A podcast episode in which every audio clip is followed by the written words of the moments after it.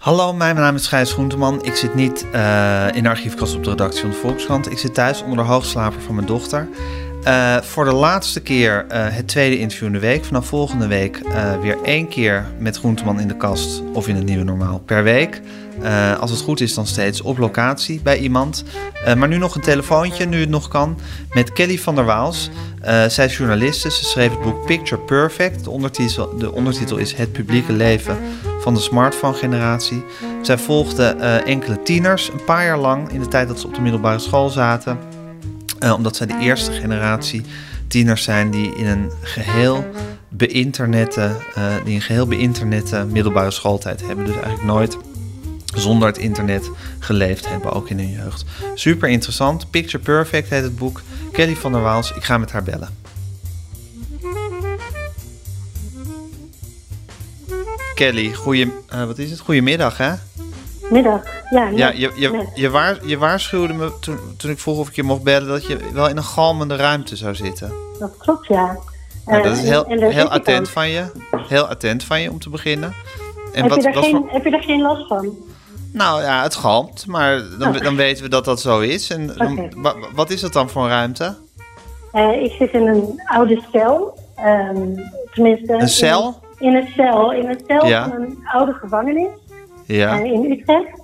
Ja. Um, uh, in de binnenstad, daar staat een hele oude gevangenis aan het Wolkenplein um, uit 1853, uh, ja. geloof ik, uit mijn hoofd. Het staat altijd uh, bij de ingang, kijk ik daar even naar. Um, en dat, die was tot een paar jaar geleden in gebruik als, als echte gevangenis nog. Het is een heel mooi monumentaal pand. Uh, maar als ik het goed begrijp, dan zijn die, uh, waren die cellen op een gegeven moment klein om in ieder geval met z'n tweeën in te zitten. Ja. Dus uh, toen, ja, toen was dat het einde van de gevangenis hier. En sindsdien staat die leeg en worden sommige van die cellen verhuurd aan kleine ondernemertjes. Oké, okay, zoals jij. Ja, ja. Hey, en Kelly, heb je de telefoon aan je oor of praat je met oortjes? Of ik, ik praat met oortjes. Kan je hem aan je oor doen? Want ik denk dat het dan beter ja? klinkt. kan je dat eens proberen? Ja. Momentje hoor. Hallo? Ja, het, en nu? Nu, nu heb je hem aan je oor. Ja, is beter. Heb mijn oor, ja. Ja, is beter. Oké. Ja, het is natuurlijk heel... minder goed, dus uh, praat vooral. Oké, maar ja goed. Jij bent er maar eentje en hier luisteren toch wel wat meer mensen naar. Dus ja, is belangrijker dat, dat zij jou goed kunnen horen. Het kan alleen zijn dat ik soms je vraag niet goed hoor, maar dat... Uh, ah joh, dat doet er ook niet zo heel veel toe. Ik praat wel gewoon. Ik geef ja. het antwoord op de vraag die ik denk te horen. En ben, ben jij nou eigenlijk een millennial, Kelly? Ik ben een millennial, ja. Wat, wat, wat, wanneer ben je een millennial? Als je... Volgens mij als je in 1980 of daarna bent geboren en dan tot ongeveer 95. Tussen 80 en 95. Ja. En hoe is, hoe is het om een millennial te zijn? Uh, nou, dat is enorm zwaar. nee. Uh, ik vind dat moeilijk om te zeggen, want ik weet natuurlijk niet beter. Ik ben altijd al een millennial geweest. Al kwam ja. ik eigenlijk pas een paar jaar geleden achter dat, dat, dat ik dat was. Ja. Uh, maar ja, ik vind het zelf wel leuk. Het kent, het kent leuke tijden, zoals de jeugd, waarin de sky the limit was. En Um, ja, we alles hadden wat ons hartje begeerde. Dat is uh, althans het verhaal. En dus ook wel een beetje. Ik ben ook wel in de millennial luxe opgegroeid. In Nederland, in een, ja. in een lelijke Phoenix-stad. Um, dus dat was heel leuk. Toen ik eindelijk was afgestudeerd, uh, toen was het wat minder leuk. Want toen uh, kon je helemaal geen werk vinden. Uh, dus dat, dat was weer een nadeel daarvan. Je bent geboren in 1984. Klopt, ja. En uh, wanneer wist je wat, je wat je wilde met je leven? Of weet je dat nog steeds Wat niet? veel later. uh, nou ja, ik uh, de laatste negen, tien jaar zoiets, ja, schrijf ik, als, werk ik als journalist. En dat vind ik eigenlijk wel, dat is nog steeds wel iets wat ik wil worden. En hoe kwam- deel van de tijd, althans. Hoe kwam je erop om dat te gaan doen? nou, dat heeft wel een hele lange omweg gekend. Dat heeft eigenlijk te maken met het afstuderen en dat er toen helemaal geen werk was. Ik was afgestudeerd in de filmwetenschappen, wat ik toen uh, een hele leuke specialisatie vond. Uh, goed mijn best gedaan, geprobeerd goede cijfers te halen, zodat als ik klaar was, ik een leuke baan kon vinden die daar op een of andere manier mee te maken had. Maar uh, ja, dat, toen was net het gevolg van de crisis echt te voelen en werden er helemaal geen nieuwe jonge mensen ergens meer aangenomen. Dus um, toen ben ik in dat jaar maar al mijn spaargeld gaan uitgeven, wat natuurlijk achteraf gezien heel onverstandig was. Um, en een beetje, ja, ik had niet zoveel te doen, dus toen ging ik maar schrijven voor een, um, uh, een website die heet Hardhoofd. Uh, waar toen uh, jonge mensen leuke stukjes schreven, doen ze nog steeds trouwens. ja. Zo kwam ik erachter dat ik dat eigenlijk wel leuk vond. En ondertussen was er niet echt ander interessant werk voor mij te vinden. Um, en toen dacht ik, nou ja, misschien moet ik dit eens uit gaan proberen. Dus, uh, en het was wel grappig, omdat ik ooit heel lang geleden ben ik begonnen met een studie journalistiek na mijn middelbare school. Maar dat vond ik helemaal niks. Daar ben ik toen mee gestopt. Dus het was wel grappig dat ik daar weer uiteindelijk terecht kwam. Ja, dat het, dat het toch moest, blijkbaar. Ja. En je hebt, ik heb nu je boek Picture Perfect voor me. Picture Perfect met een punt erachter, hè, trouwens. Ja, ja. Dat, waarom, uh, staat die punt, waarom staat die punt daarachter? Ja, dat is niet een soort heel erg overwogen keuze geweest. Het was deels uh, waren het de vormgevers die daarmee kwamen, maar het klopte wel. Oké. Okay. Ik het punt. Ik heb er eigenlijk niet zo heel veel. Uh, Oké, okay, nou, toch goed dat ik er even naar vraag. Waar, ik, ik weet waar het over gaat, maar kan, kan jij in een paar. Kan jij uitleggen waar het over gaat, Kelly, dat boek? Nou, het gaat over de huidige generatie tieners. Um, en dat is in ieder geval in mijn optiek een bijzondere generatie, want zij zijn de eerste die geen leven zonder internet hebben gekend. En, en dat vind ik nog veel interessanter, geen middelbare school zonder smartphone en sociale media. En ik was wel heel erg benieuwd wat dat dan, wat dat dan betekent. Een paar jaar geleden waren er heel veel experts die daar wat over te zeggen hadden. En er kwam een, uh, een boek uit van een Amerikaanse psycholoog, Gene Twenge. Die zei, uh, ik heb hem niet toevallig liggen. Uh, die zei dat ze uh, less happy waren en completely unprepared for adulthood. Dus, dus minder, minder, minder vrolijk en totaal ja. niet voorbereid op, het op de volwassenheid. Precies. En ja. dat natuurlijk hoofdzakelijk over Amerikaanse kinderen. Ja. maar dat werd ook, voor publicatie van haar boek werd ook in Nederland, ging dat best wel viral. Um, en uh, in die tijd waren er ook uh, series uh, waar, waar pubers allemaal ellende beleefden met sociale media Netflix. En um, dus dat gegeven vond ik heel interessant. Maar ik was eigenlijk wel benieuwd van, ja, maar hoe, hoe is dan eigenlijk je dagelijks leven? Wat heeft dat echt voor effect als we niet alleen maar naar de grote uitwassen daarvan kijken? Wat, wat, hoe anders is hun middelbare school? Van die van ons bijvoorbeeld. Ik weet niet, wat, ben jij eigenlijk? Van welke generatie ben jij? Ik ben uit 1974, dus ik ben precies tien jaar ouder dan jij. Ja. Dus, dus ik ben geheel, geheel internetloos uh, opgegroeid. Generatie X ben jij. Ja, is dat zo? Ben ik generatie X? Volgens mij wel. Ik hoop nou oh, dat wow. ik het goed zeg. Ik begin plotseling aan mezelf te twijfelen. Ja, ik, ja X, Y, Z. Ja. Oké, okay, oké, okay, te gek. Nou, dat ben ik dus. En ik ben Y en de volgende is uh, Z. Ja, precies. Maar ik ben geheel internetloos uh, opgegroeid in elk geval.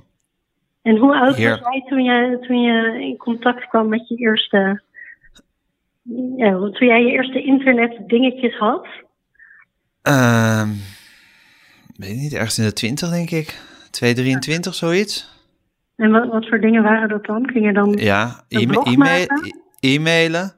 Nee, volgens mij heb ik zelf niet zoveel gemaakt toen nog op, uh, op het internet. Maar ik weet wel dat ik bij een tv-programma werkte toen ik 22 was of zo.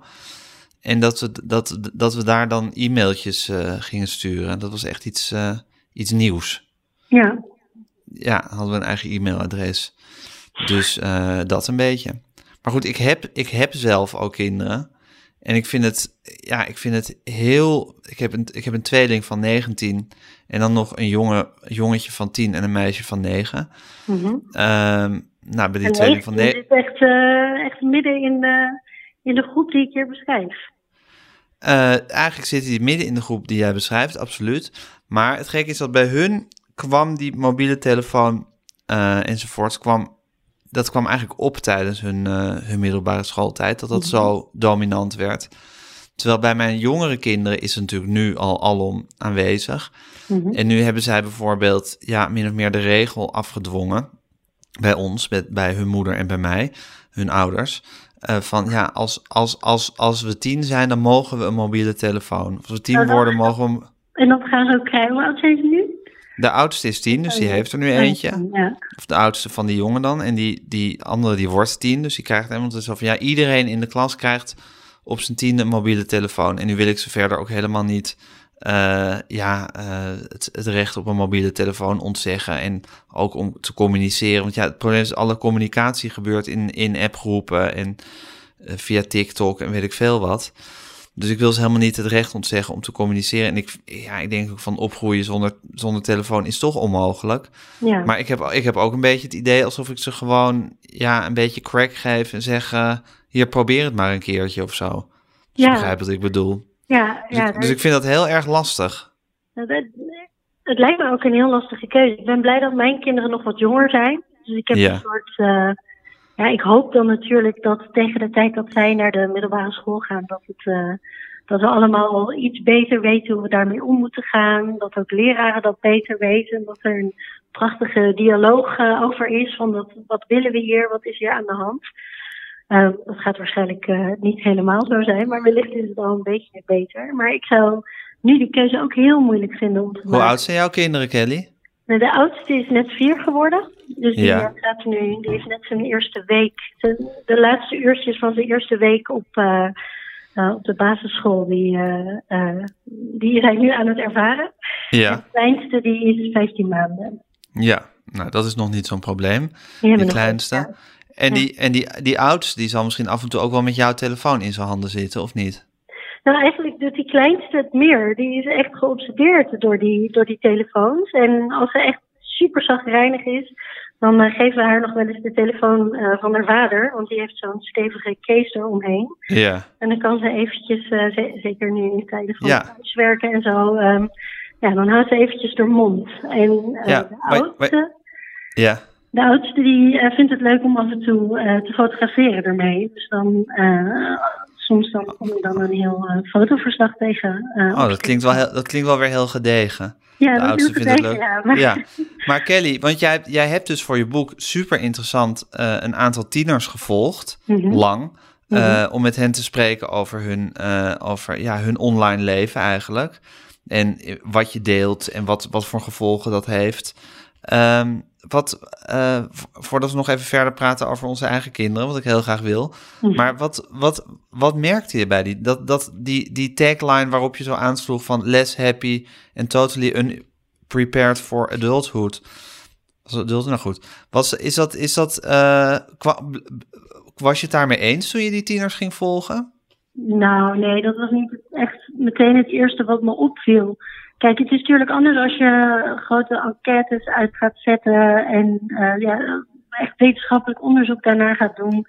Eh, dan kan ik me voorstellen dat je, op, op een, dat je wel op die conclusie eh, uitkomt. Al is, heeft de UvA heeft ook en doet ook nog steeds een groot onderzoek naar, naar deze groep. Mhm. Ehm, en uit zijn eerste rapport, dat verscheen geloof ik in 2019, nu proberen ze dat beeld wel heel erg te nuanceren. En zei ze, nou, het kan vervelend zijn, maar ook leuk en positief. En, eh, ja. Ehm, maar eh, nee, ja, wat mij vooral het meeste opviel, want ik denk dat, het, dat de puberteit altijd wel een beetje lastig is. Je bent je eigen identiteit aan het ontdekken. Je moet kijken waar, je, waar jouw plekje is in de sociale groep. Ja, dat, dat zijn dingen die, we, die ook jij en ik hebben meegemaakt. Ehm, maar zij hebben daarnaast dus eh, ja, die digitale parallel. En dat is eigenlijk ze leiden eigenlijk een soort publiek leven daarnaast. Dat is ook de ondertitel van mijn boek uiteindelijk geworden. Ehm, want dat, was gewoon het ding wat mij het meest opviel. En ehm, ja, om nou te zeggen, daar word je ongelukkig van. Dat, vind ik te kort door de bos. Maar ehm, dat is eigenlijk wel wat hen het meest onderscheidt van ons. En iets waar ze dus ook... Je moet daar de hele dag mee bezig zijn. Je hebt de hele dag dat apparaatje bij je.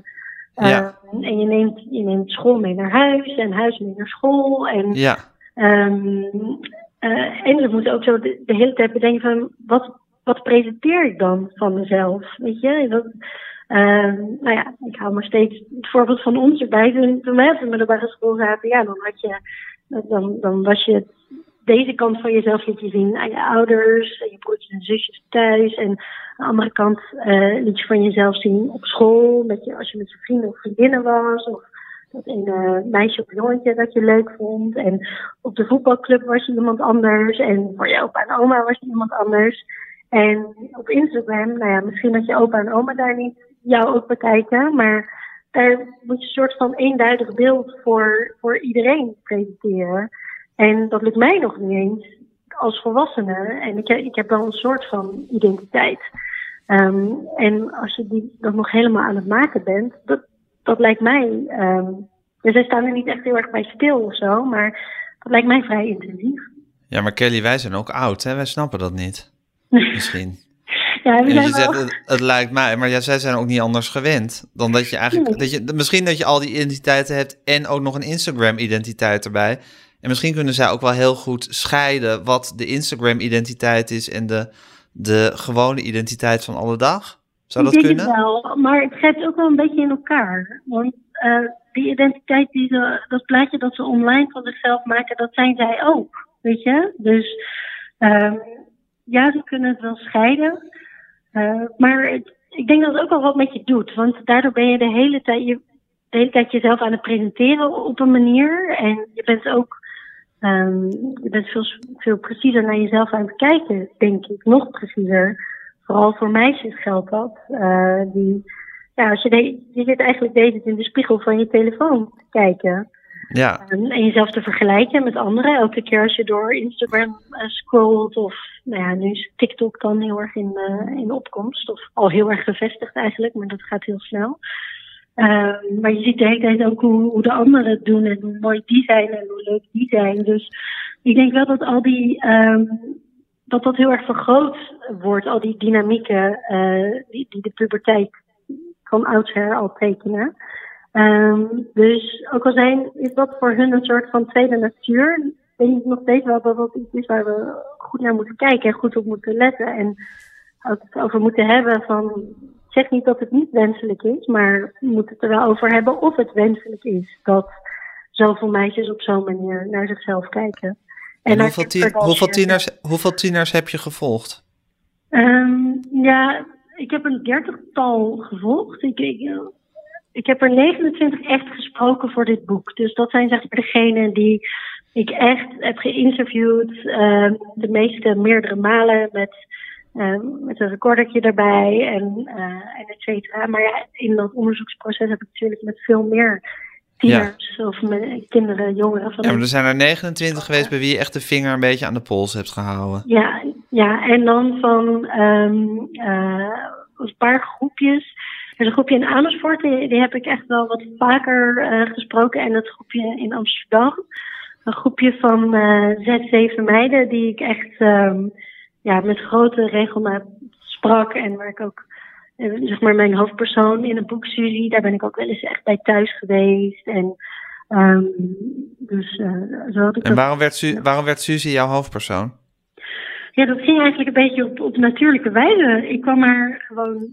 Uh, ik begon net met dit project. Dus was zij een dag op de redactie van Vrij Nederland, waar ik uh, die dag ook aan het werk was. En ik hoorde haar zo op de achtergrond uh, praten met een collega van mij over haar leven online. Dus toen spitste ik natuurlijk meteen mijn oren en uh, schoof ik daar zo zachtjes een beetje aan. En ja, Suzy die, uh, die had het eigenlijk allemaal. Die was echt zo'n zo meisje dat, dat heel actief was op Instagram. En had ook zo'n groepje vriendinnen die daar ook allemaal heel goed in waren. En die ook de etiketten heel goed kenden en zo. Um, en tegelijkertijd was hij iemand die daar heel goed over kon praten en daarop kon reflecteren. Dus, um, en, en, en dat, ja, dat bleef ook zo gedurende dat hele, ja, even onderzoeksproces. Um, dus ja, dat, dat, ging gewoon een beetje automatisch. En hoe leeft, hoe leeft Suzy haar leven? Met al die dingen dus van en op de sportclub en bij je opa en oma en thuis en tegelijkertijd ook op Instagram allemaal een persoonlijkheid zijn. Hoe gaat dat bij haar?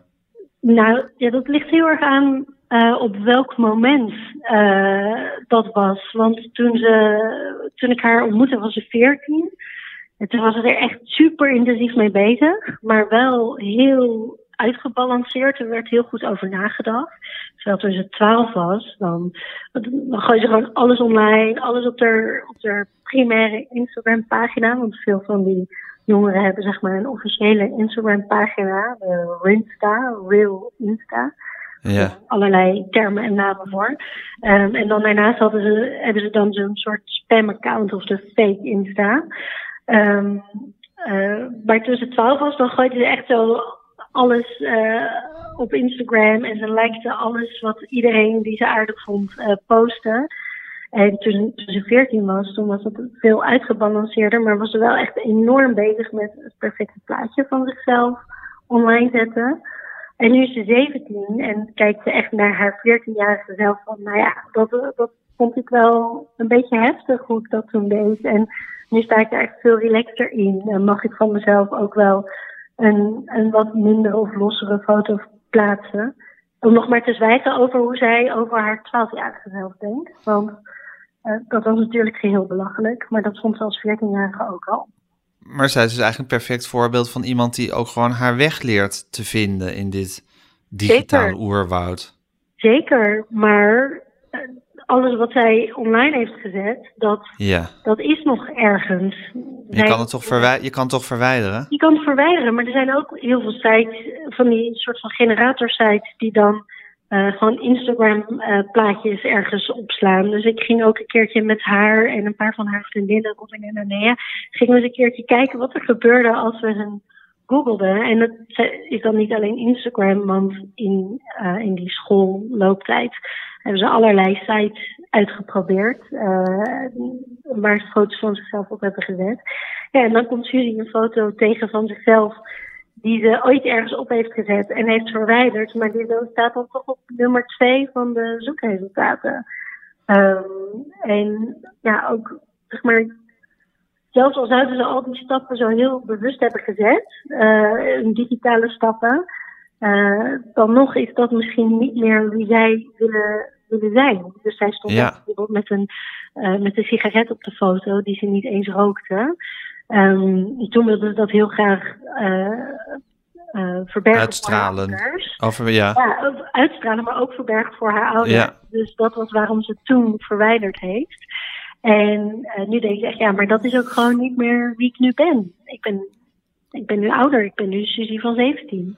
Ja, dus het, het, het, het spoor wat je eigenlijk nalaat en wat, wat, wat jou in allerlei verschillende fases van je leven laat zien, dat is lastig, want dat sleep je achter je aan eigenlijk. Maar daar Ja. ben ik nog niet heel erg van bewust hoor. Het is meer, want het vriendin van Suzy en Nea die zei ook, ja, ik heb echt, ik vind dat niet leuk om te zien, maar ik heb ook geen zin om daar de hele tijd al mee bezig te zijn. Ehm, wat natuurlijk heel logisch is, want daar heb je ook geen zin in om daar ook nog mee bezig te zijn. Ik bedoel, Nee. je moet al zo hard werken om. En je moet dan dus ook wel echt je best doen. Moet, moet je dan je best doen om die foto's te vinden of gaat dat heel makkelijk?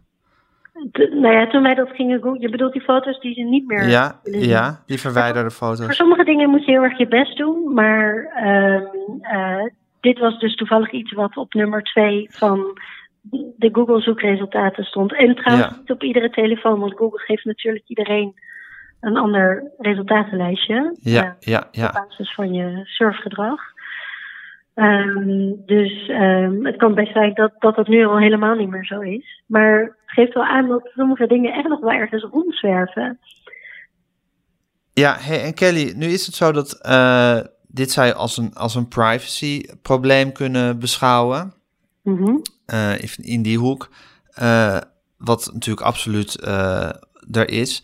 Gek genoeg maak ik mezelf, als ik het over mijn eigen kinderen heb, en trouwens ook over mezelf, wat ik, wat ik zelf ve- veel zorgelijker vind aan die telefoons, of tenminste wat ik zelf griezelig vind aan die telefoons, is gewoon de waanzinnige aanzuigende werking die ze hebben. Dat je er gewoon niet meer van afkomt.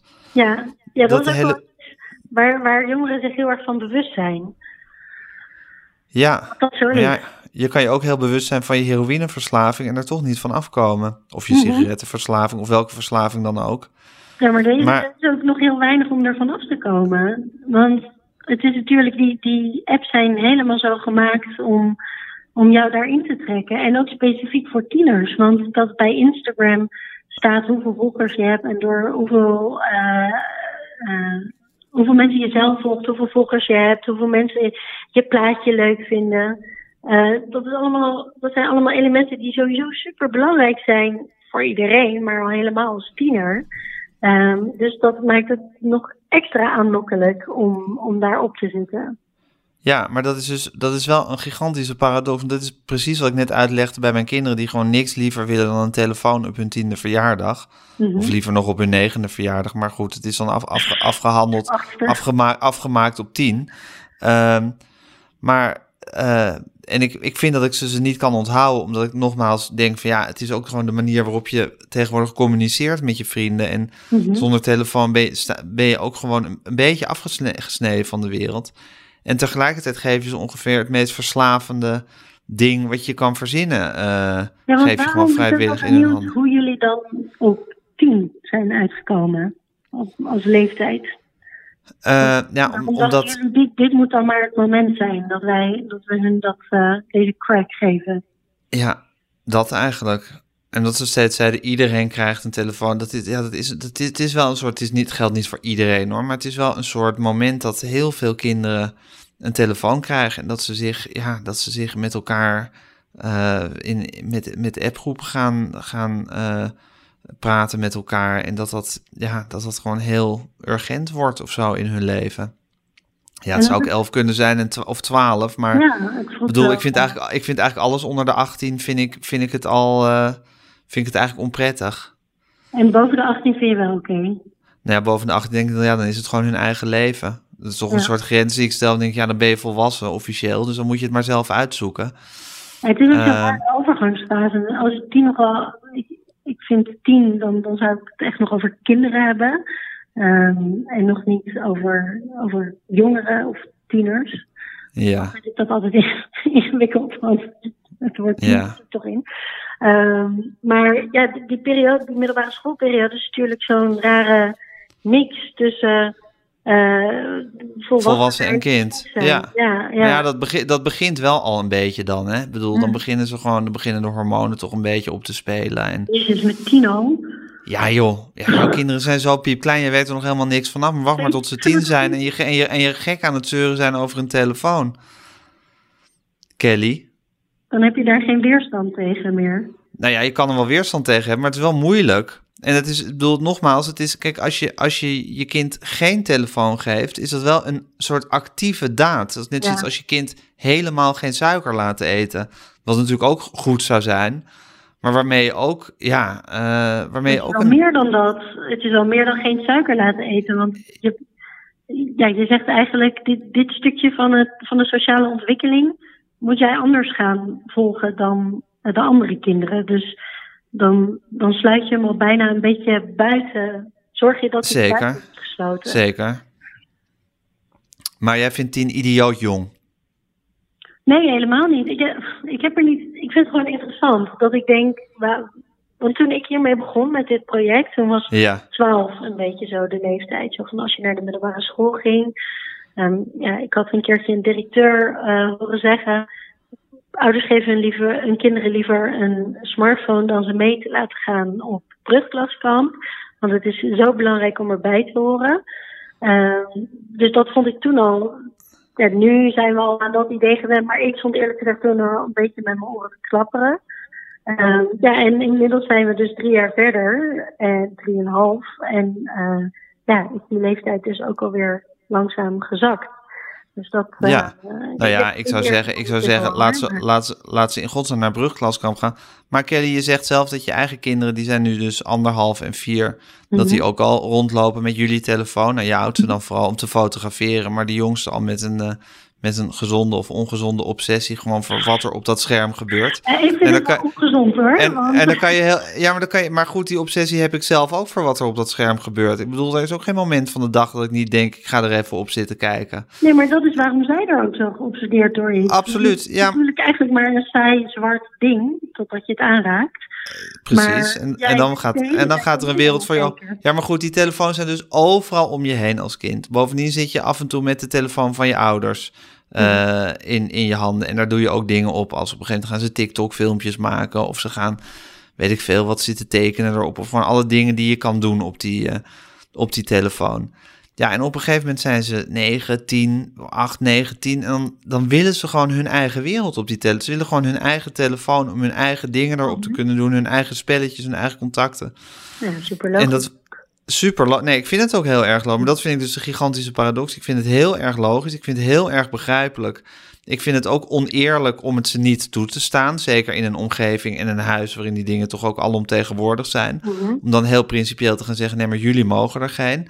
En tegelijkertijd vind ik het, vind ik het uh, verschrikkelijk dat ik het ze moet geven. Ja. Snap je? Ja. Ja, misschien moet je dan bepaalde voorwaarden creëren.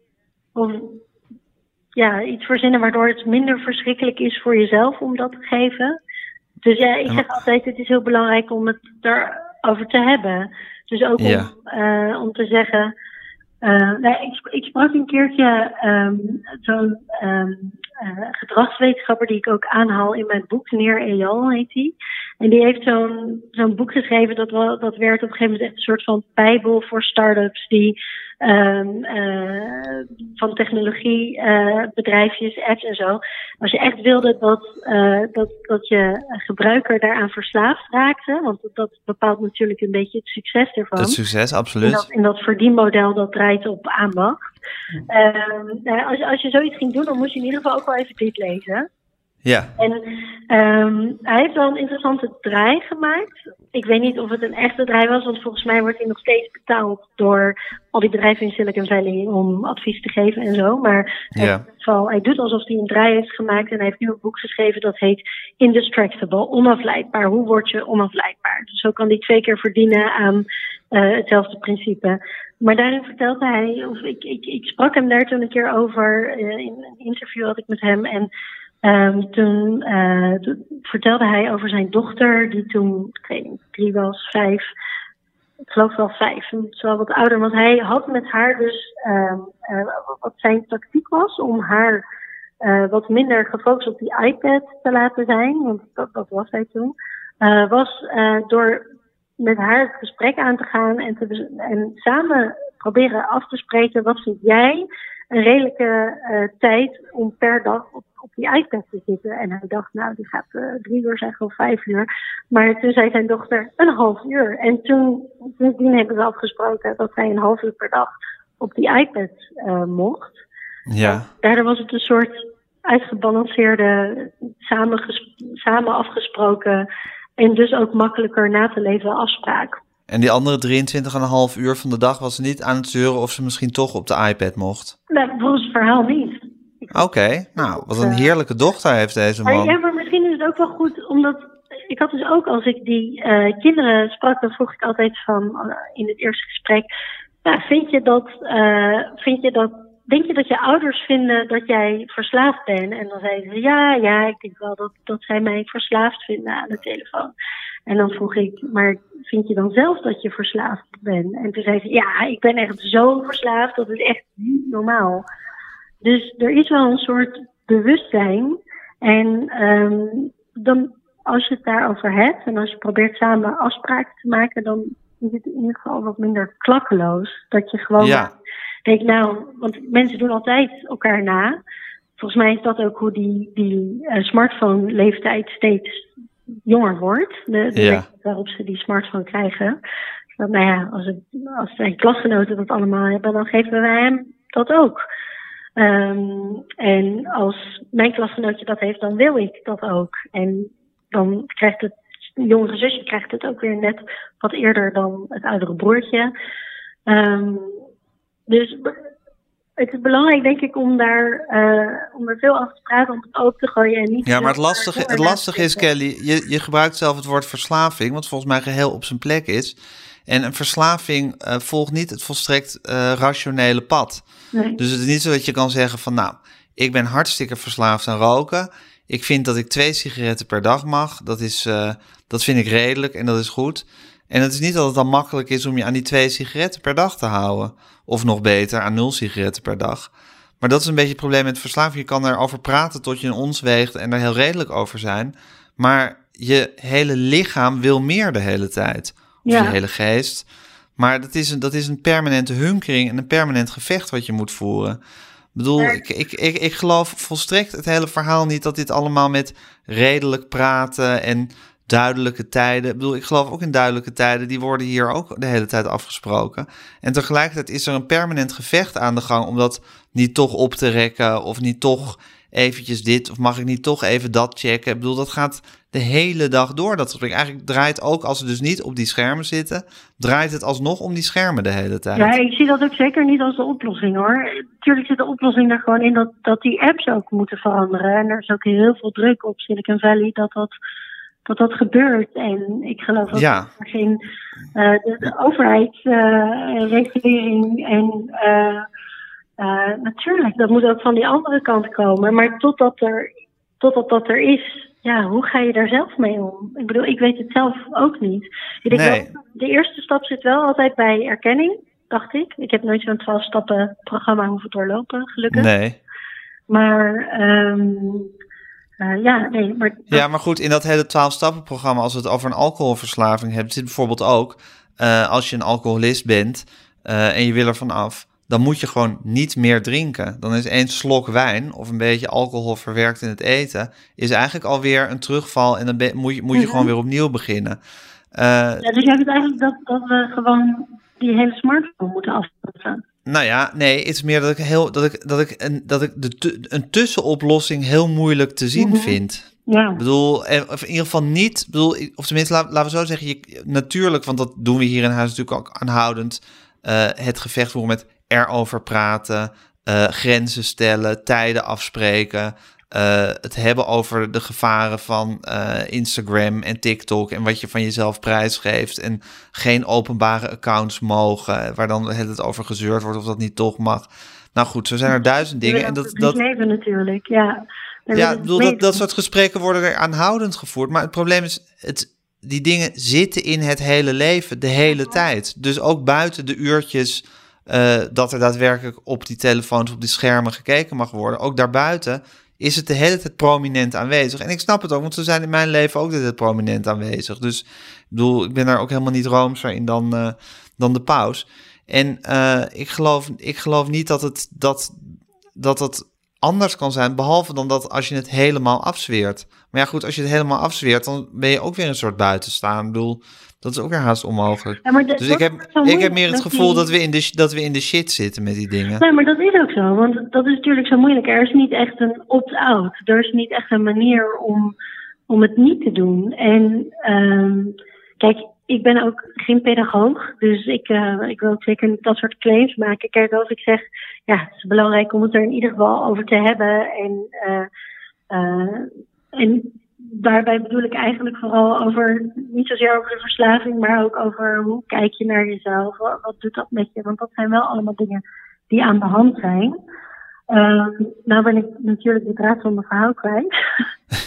Dat, maar- dat je geen makkelijke oplossing ziet. Nee, ja, er, er, is, er is sowieso geen, eh, geen makkelijke oplossing. En, oh ja, ik had het over, er, er is geen, ja, wat ze noemen een opt-out. Er, er is zo weinig Nee. mogelijkheid om het niet te doen. Nee, precies. En dat is net als eh, dat ik bijvoorbeeld, nou ja, ik vertelde net dat mijn zoon eh, nu naar school gaat en ik moet me al inschrijven voor een een of ander kindvolgsysteem, wat ook gewoon iets is wat door een commercieel bedrijf is opgezet.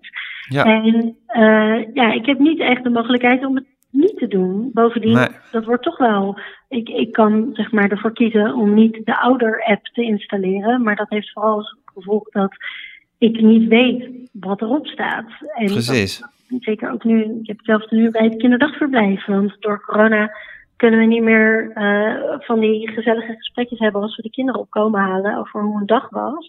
Dus Ja. wordt allemaal bijgehouden in, in een app. En ehm, elke keer vroeg de leidster mij, hey, wat, eh, heb je dat al aangemaakt? Want dat zou wel handig zijn. En dan zei ik, ja, oh shit, nee, ik moet nog eventjes eh, die, eh, ik wil eventjes een beetje research doen over, over de privacy. En op een gegeven moment zei ze, toen ze het voor de derde keer vroeg, ja, maar het, het staat er toch al in. Het enige verschil is dat jij het dan ook in kan zien en mee kan kijken. Ja. Ehm, dus ehm, ja, en hetzelfde geldt voor eh, op een andere manier voor Instagram, TikTok, eh, WhatsApp. Ja, we weten dat het allemaal super slecht is.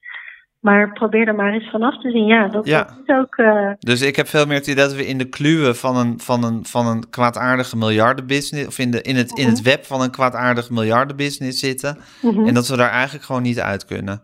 Dat is een Ja. beetje mijn gevoel. En Ja. zo'n gast die zegt van, ik heb met mijn dochter gevraagd, wat vind jij redelijke tijd? Ze heeft gezegd een half uur en nu mag ze een half uur per dag en dat gaat prima. Ja, dat vind ik gewoon bullshit. Dat geloof ik gewoon niet. Nee, nou ja, dat, eh, ik weet ook zeker niet of dat waar is. En dat, dat, is, Nee. ook, dat is zeker niet een oplossing. Ja, ik bedoel, het kan misschien dat hij een soort modeldochter heeft waardoor dat ineens lukt. Maar ik vind het ook een beetje een, eh, een, een, eh, een praatje voor de bühne, zou ik maar zeggen. Ja, dat, misschien had ik het ook niet moeten vertellen. Wat in me opkwam. Kijk, ik heb ook niet een soort boek geschreven waarin ik met oplossingen kom. Of waarin ik Nee, wil zeggen, nou... Maar wat ik gewoon. En daarom, je hebt, een portret, je hebt een portret geschetst, dat is ja, absoluut en, waar. En dit was zeg maar een anekdote die ik, ik kwam daar opeens op omdat ik dacht, oh ja, je moet erover praten. Hé, hey, opeens moest ik daar aan denken. Maar Zeker. ik denk wel, wat wel heel belangrijk is, eh, en, en dat is gewoon, ik wil mijn eigen boek niet heel belangrijk eh, noemen, maar dat is wel een reden dat ik eh, dat boek heb geschreven. Is, ehm, je, je, je moet niet vergeten te kijken naar de cultuur die erachter ligt. En we kunnen er misschien niet meteen iets aan doen. Het is ook geen activistisch boek. Of ehm, ik hoop wel dat ik duidelijk heb gemaakt in dat boek dat die, wat de rol van die techbedrijven daarin is. En hoe ze Ja. daarin eh, in meetrekken. En, ehm, maar we moeten eerst, ik denk wel dat het goed is om te weten hoe die wereld dan in elkaar zit en hoe zij dat dan beleven. En het- volgens mij is het ook heel, heel tekenend eh, voor, voor de tijd waarin we leven en voor hoe we zelf Ja. met, die, ehm, eh, met die apparaten omgaan. Maar eh, ja, erg, erg Nou, het, gek, het gekke is, als ik.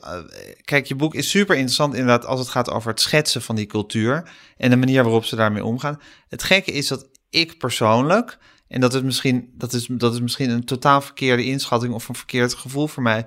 Maar ik maak mij veel minder zorgen over die cultuur. En over het feit dat je je ook op Instagram moet, eh, moet presenteren. En ook daarbuiten. En hoe de discrepantie is tussen de echte wereld en de wereld die online zit. Ik denk eerlijk gezegd dat als je, zeker als je daarin opgroeit, dat je heel goed voelt wat het verschil is tussen de een en de ander. En natuurlijk zeggen ze van ja, ik ben ook wel onzeker omdat die anderen zo goed uit. Zullen ze een schoonheidsideaal hebben wat on- onrealistisch is. Maar goed, tegen een onre- onrealistisch schoonheidsideaal vechten we natuurlijk al jaren eh, hier in het Westen. Ehm, dus dat is allemaal. Maar ik vind, ik vind, ik vind die, die. En dan praat ik dus nogmaals ook voor mezelf, maar zeker ook voor mijn kinderen en voor, nou eigenlijk voor iedereen die, die, die, die obsessie die we allemaal hebben met de hele tijd dat ding pakken en naar dat scherm kijken en de buitenwereld daarbij eigenlijk buitensluiten. Dat vind ik, eh, dat vind ik nog veel griezeliger. Ja, maar daar, daar hebben dingen als dat schoonheidsideaal en het naar jezelf kijken. En Ook mee te maken. allemaal Hè? mee te maken. Ja. Dat zijn allemaal Ja. factoren in. ja, ik merk het ook aan mijn dochter dat zij een volstrekte selfie-verslaving heeft. Dus zodra zij mijn telefoon in haar handen krijgt, begint ze selfies te maken. Wat Maar ik wat, Dat is ook anders. ehm, kijk, misschien dat jouw dochter ook voortdurend in de spiegel had gekeken als, als die smartphone er niet was geweest. Maar dat, dat is wel een soort nieuwe laag die daar overheen ligt. Ik vind Ja. het wel heftig dat, eh, dat mensen niet meer naar de plastische chirurg komen met foto's van beroemdheden, maar met een soort Snapchat-foto van zichzelf, waarop ze alles hebben aangepast Ja. wat ze niet leuk van zichzelf vinden. Dus en dat is de, dat ze de filters in het echt willen. Ja, Ja, dus dat, dat vind ik echt nog wel eventjes een soort nieuwe, nieuw niveau van een verknipt schoonheidsideaal. ja, ja. Ja, ik zit nu, het is een beetje pathetisch, maar ik zit nu eigenlijk ook een beetje aan die hele corona te denken, waar steeds gezegd werd van eh, we navigeren door de mist of zo. Dat je eigenlijk steeds oplossingen moet bedenken voor problemen die je eigenlijk nog niet helemaal doorgrondt en doorziet. Zeker. Dat is, dat, is met, dat is hier natuurlijk eigenlijk, eigenlijk ook aan de hand. Dat we eigenlijk niet weten wat het effect is van al deze dingen op ons brein en op ons sociale gedrag. Eh, en daar toch al eh, op moeten ja, handelen eigenlijk. Ja, of onze, nee, onze kinderen daarmee moeten opvoeden. Ja, want zeg maar, als, net als ja, dan is opeens die lockdown en dan gaat iedereen ook maar een beetje aanmodderen van ja, wat moeten we hiermee? Ja, en we snappen dat virus natuurlijk ook nog niet. Je weet nog niet wat dat virus Nee. doet. Je weet nog niet wat je er precies van krijgt of wat de effecten zijn. Laat staan hoe het, hoe het genezen moet worden. leven met dat virus. Net als Precies. dat we al wel aan het leven met die telefoon. En, die sociale media. Ja, en ons leven met die telefoon en wat er allemaal gebeurt, dat zit nog in, ja, ik zeg in het boek adolescentenfase, maar misschien is het nog in een infantiele fase. Ja. Eh, nee, maar dat is ook het, het moeilijke daaraan. Ehm, en en ja, in mijn boek staat beschreven hoe dat er dan nu uitziet voor, Ja, eh, eh, voor tieners die, die dus van meet af aan al dat, dat leven met die smartphone hebben. Ehm, ja, en geen idee hoe dat, hoe dat nu verder gaat. Of moet, Nee. hoe we dat dan Nee. aan moeten pakken. maar Dat zijn we aan het. En, maar zij, zijn, zij hebben dus wel een hele grote rol in dat uitvoegelen van wat is wenselijk, wat is wel goed, niet goed. En wat, wat kunnen wij hebben daar een grote rol in als opvoeders, bedoel je? zij. Zij Ja. zelf als kinderen, ja. Ja. maar wij als opvoeders ook natuurlijk. Zeker, Ja, zeker. en we weten het ook niet. Maar dat begint wel met weten wat ze, wat ze aan het doen zijn. Ja, en dan moet je toch eh, met ze in gesprek gaan, denk ik. Zeker. Ja, maar ja, dan nog. Ja, ja, ja. Want heel veel ouders weten ook helemaal niet wat ze, wat ze doen. Wat die, wat die kinderen online doen. Nee. Ik, Nou ja, goed, ik vind dat kinderen ook weer, zeker als ze op de middelbare school zitten, ook weer recht hebben op hun eigen leven natuurlijk. Zeker. Ik bedoel, eh, wat ze na school staan te bespreken en of ze stiekem een sigaret roken, ja, dat hoef ik ook allemaal niet van ze te weten. Nee, Eh, en ik vind ook dat ze, dat ze recht hebben op, eh, op online privacy, in ieder geval wat betreft hun ouders. zeker. Maar je hoeft ook niet hun te gaan bespioneren. Nee, Eh, maar, dat, maar je ja, kan het er wel over hebben. Waarom, waarom ik met die hele stomme anekdote kwam van... eh heb het over de verslaving. eh, maar dit is natuurlijk eigenlijk... Ja, als je het over hebt van... Hé, vind, je het, vind je het eigenlijk dan relaxed? Misschien geven ze ook niet een antwoord wat je... Nee. Oprecht antwoord of komen ze toch... Ja, goed, maar het lastige, met, het lastige met een verslaving is natuurlijk, je kan hem heel makkelijk erkennen, maar om er wat aan te doen is natuurlijk wel een tweede. Mhm. Dat is het lastige. Jeetje, Kelly. Wat een, Ja. wat een toestand, hè? Zeker, ja. ja. Nou, maar ik hoop dus dat het over een jaar of acht, eh, of wat zeg ik, zes, want tien jaar... Dat het eh, dat, voor dat jouw we eigen kind. opgelost hebben en dat we Nou, uitgesloten. Uitgesloten. Het is alleen maar erger geworden tegen die tijd. Geef ik je op een briefje. Ik hoop wel dat het niet erger is geworden. Absoluut is het wel we- erger geworden. Als er geld mee verdiend die kan tijd? worden, wordt het altijd erger. Ja, tuurlijk. Maar Denk je dat, denk je dat de Europese Unie eh, of de, de, de, de Europese Commissie eh, iets, iets zal uitvinden waardoor ze die, waardoor ze die, die megabedrijven kunnen stuiten? En dat is ook een beetje moeilijk, want eh, met die, maar er komt natuurlijk wel maatschappelijke druk. Dus je ziet wel dat, dat er een beetje voor de vorm wat dingen worden veranderd. Je krijgt één keer in de week zo'n schermtijd, rapportje. En, Ja, maar maar dat, dat is natuurlijk heel erg ja, symbolisch en niet structureel. nee. Ehm, dus het is inderdaad. eh, nou, maar we moeten wel een beetje optimistisch blijven, Gijs. Want anders... Oh, ik ben helemaal niet optimistisch. Dat zit niet in mijn aard om optimistisch te zijn. Maar goed, eh, misschien kan jij me wat tegenwicht bieden. Zullen we, zullen we elkaar over zes jaar gewoon weer spreken? En dat het dan heel erg mee blijkt te vallen allemaal. Of niet? Jezus, dan ben ik 52, Kelly. Ik moet er niet aan denken. Maar dan ben jij ook weer Ik, 42. nee, ik wil dat niet uitrekenen. Ik heb me nog nooit zo uitgevoeld als... Over eh, zes jaar ben je 42, Kelly. Dat kan ik nu alvast eh, voorspellen. Als je Nou, tijd van leven hebt. Ik ga een geweldige dag tegemoet met die... eh, Maar goed, misschien is je boek dan ook een bestseller geworden. En woon je stil in een villa ergens. Hey, je boek heet Picture Perfect. mhm. En is dus een, eh, een, eh, een, eh, ja, een portret van de smartphone-generatie eigenlijk. Ja, Ik zou zeggen, aan een ieder doe er je voordeel mee. En ga jij lekker verder werken in je cel? In je galmende cel? Ja, in je Heb je nog- keuken. Heb je nog plannen voor vandaag?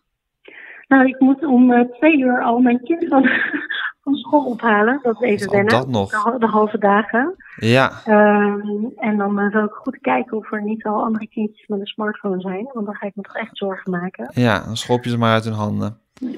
Ik denk het wel, ja. Maar dan denk ik dat het redelijk agressief overkomt. Maar eh, misschien is dat wel goed. Misschien dat we allemaal heel agressief erop reageren. Dat er dan wel iets uit Ja, dat zal helpen, denk ik. Fiets voorzichtig, Kelly, naar de school van je kinderen. Ja, wees voorzichtig in je keuken.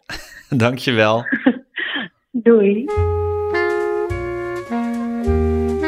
Dit was Met Groenteman in het Nieuwe Normaal met Kelly van der Waals. Mijn naam is Gijs Groenteman. Ik maak deze podcast samen met Daan Hofstee.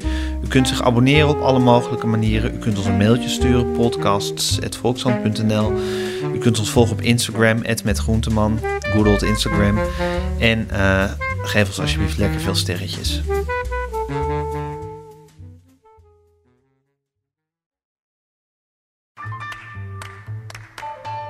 Ik lees de Volkskrant omdat kennis van zaken hebben mij geruststelt. En ik mij daardoor sterker in mijn schoenen voel staan. Eigenlijk zou iedereen de Volkskrant moeten lezen. Gun jezelf ook de Volkskrant. Ga meteen naar volkskrant.nl slash nu. En lees de krant tot wel acht weken voor maar 4 euro. Stopt vanzelf volgens de actievoorwaarden.